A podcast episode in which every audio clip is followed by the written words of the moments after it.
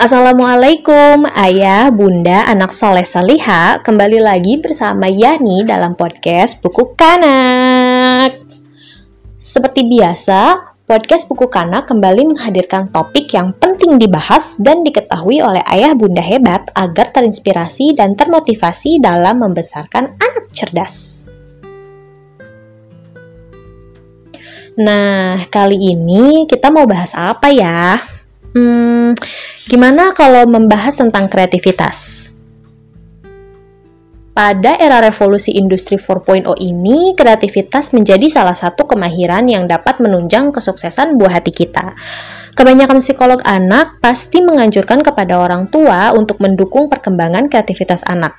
Tapi, sejauh mana sih ayah bunda tahu tentang kreativitas? Untuk itu, pada podcast Buku Kanak episode kali ini, Yani akan membahas tentang apa itu kreativitas dan gimana sih caranya mengembangkan kreativitas anak. Simak terus sampai habis ya!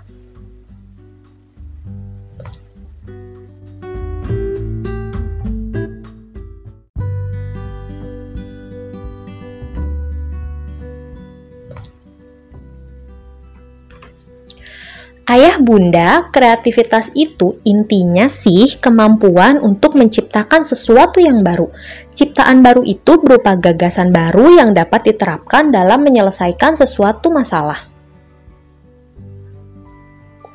Kalau secara istilahnya, mungkin sebagian besar orang tua sudah bisa membayangkan ya apa itu kreativitas. Tapi, kalau dikupas-kupas lagi supaya enggak sekilas doang nih bayangannya, mungkin masih banyak ayah dan bunda yang belum tahu. Oleh karena itu, kita mulai saja ya dari apa aja sih aspek kreativitas. Menurut Sternberg, Aspek kreativitas itu ada empat, yaitu kelancaran berpikir, keluasan berpikir, elaborasi pikiran, dan keaslian berpikir. Kelancaran berpikir itu dapat diukur dari berapa banyak ide yang bisa dihasilkan dalam waktu singkat. Keluasan berpikir itu artinya bagaimana dari satu masalah yang sama dapat dihasilkan bermacam cara untuk menyelesaikannya, nggak cuma satu. Elaborasi pikiran itu dari gagasan yang keluar dikembangkan atau ditambahkan ciri-ciri detailnya, sehingga gagasan-gagasan yang dihasilkan nggak cuma berupa gambaran secara garis besar. Dan terakhir, keaslian berpikir adalah bagaimana gagasan yang dihasilkan benar-benar hasil dari pemikirannya sendiri, bukan hasil adopsi dari pemikiran orang lain. Aspek-aspek itu udah tertanam di otak anak soleh dan soleha ayah bunda. Masalahnya, kita sebagai orang tua justru kadang menekan perkembangannya. Sadar nggak sih? Uh, hal ini terkadang dipengaruhi oleh cara um, cara orang tua dalam mendidik atau membesarkan anak-anaknya. Makanya perlu ayah bunda ketahui apa saja yang bisa mempengaruhi perkembangan kreativitas anak. Pertama, waktu ayah bunda suka bikin jadwal kaku yang nggak bisa diganggu gugat untuk anak-anaknya. Jam sekian sampai jam sekian mandi, terus sarapan, sekolah, tidur siang, les, dan seterusnya. Padahal mood anak itu variatif. Bisa aja dia mau memunculkan ide dan mempraktekannya, tetapi ternyata terhalang jadwal tidur siang. Boro-boro keempat aspek kreativitas bisa terdukung dengan maksimal satu aspek aja nggak mendapat kebutuhannya. Kedua, sarana. Kewajiban orang tua lah yang menyiapkan tempat, alat, maupun hal pendukung lainnya untuk mengembangkan kreativitas anak. Misalnya, sediakan cat dan kanvas untuk anak-anak kita yang suka melukis. Sediakan bahan makanan kalau anak kita suka masak. Atau sediakan buku-buku berkualitas kayak buku kanak kalau anak kita suka membaca.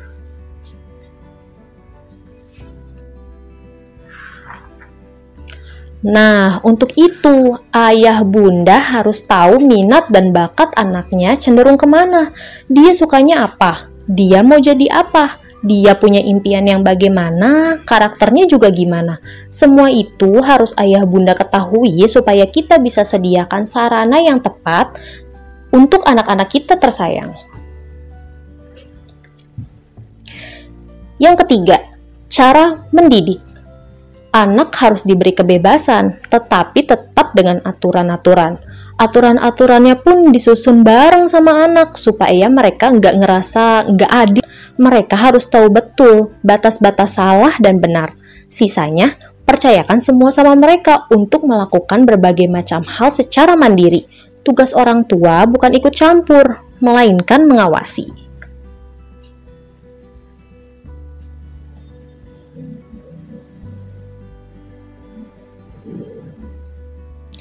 Terakhir, kesempatan untuk mendapat ilmu. Setiap rasa penasaran anak-anak itu pasti besar, apalagi pada usia-usia tertentu, misalnya tiga tahun pertama mereka. Orang tua harus memberikan hak mendapat pengetahuan-pengetahuan yang mereka pengen tahu. Contoh kecilnya aja, pas anak nanya, orang tua harus berusaha semaksimal mungkin menjawab pertanyaan anak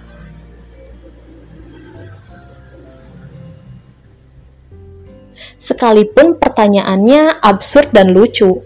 Selain itu, ayah bunda juga tentunya harus menyediakan buku-buku yang tepat alias sesuai dengan usia anak. Setelah disediakan pun bukan berarti dibiarin gitu aja ya ayah bunda. Ayah bunda juga harus membimbing mereka untuk membaca dan memahami isi dari apa yang mereka baca. Intinya, memberi kesempatan buat mereka menyerap ilmu sebanyak-banyaknya dan semaksimal mungkin.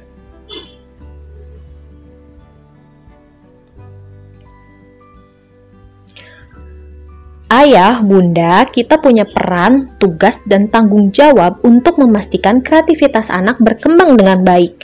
Jangan sampai ya, kita malah menjadi orang yang menekan dan menahan pertumbuhan kreativitas mereka anak kita sendirilah yang akan menjadi korban.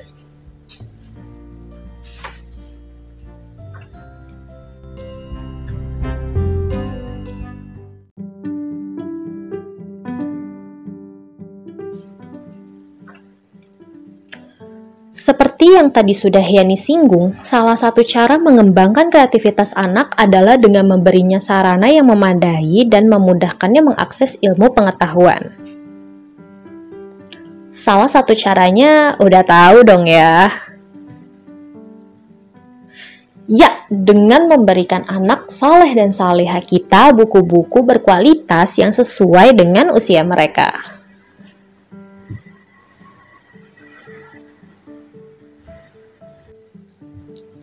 Kalau ayah bunda mau tahu beli buku-buku berkualitas itu di mana, sini, Yani bisikin cek aja akun Instagram buku kanak at buku kanak. Ditunggu di sana ya ayah bunda dan anak soleh salihah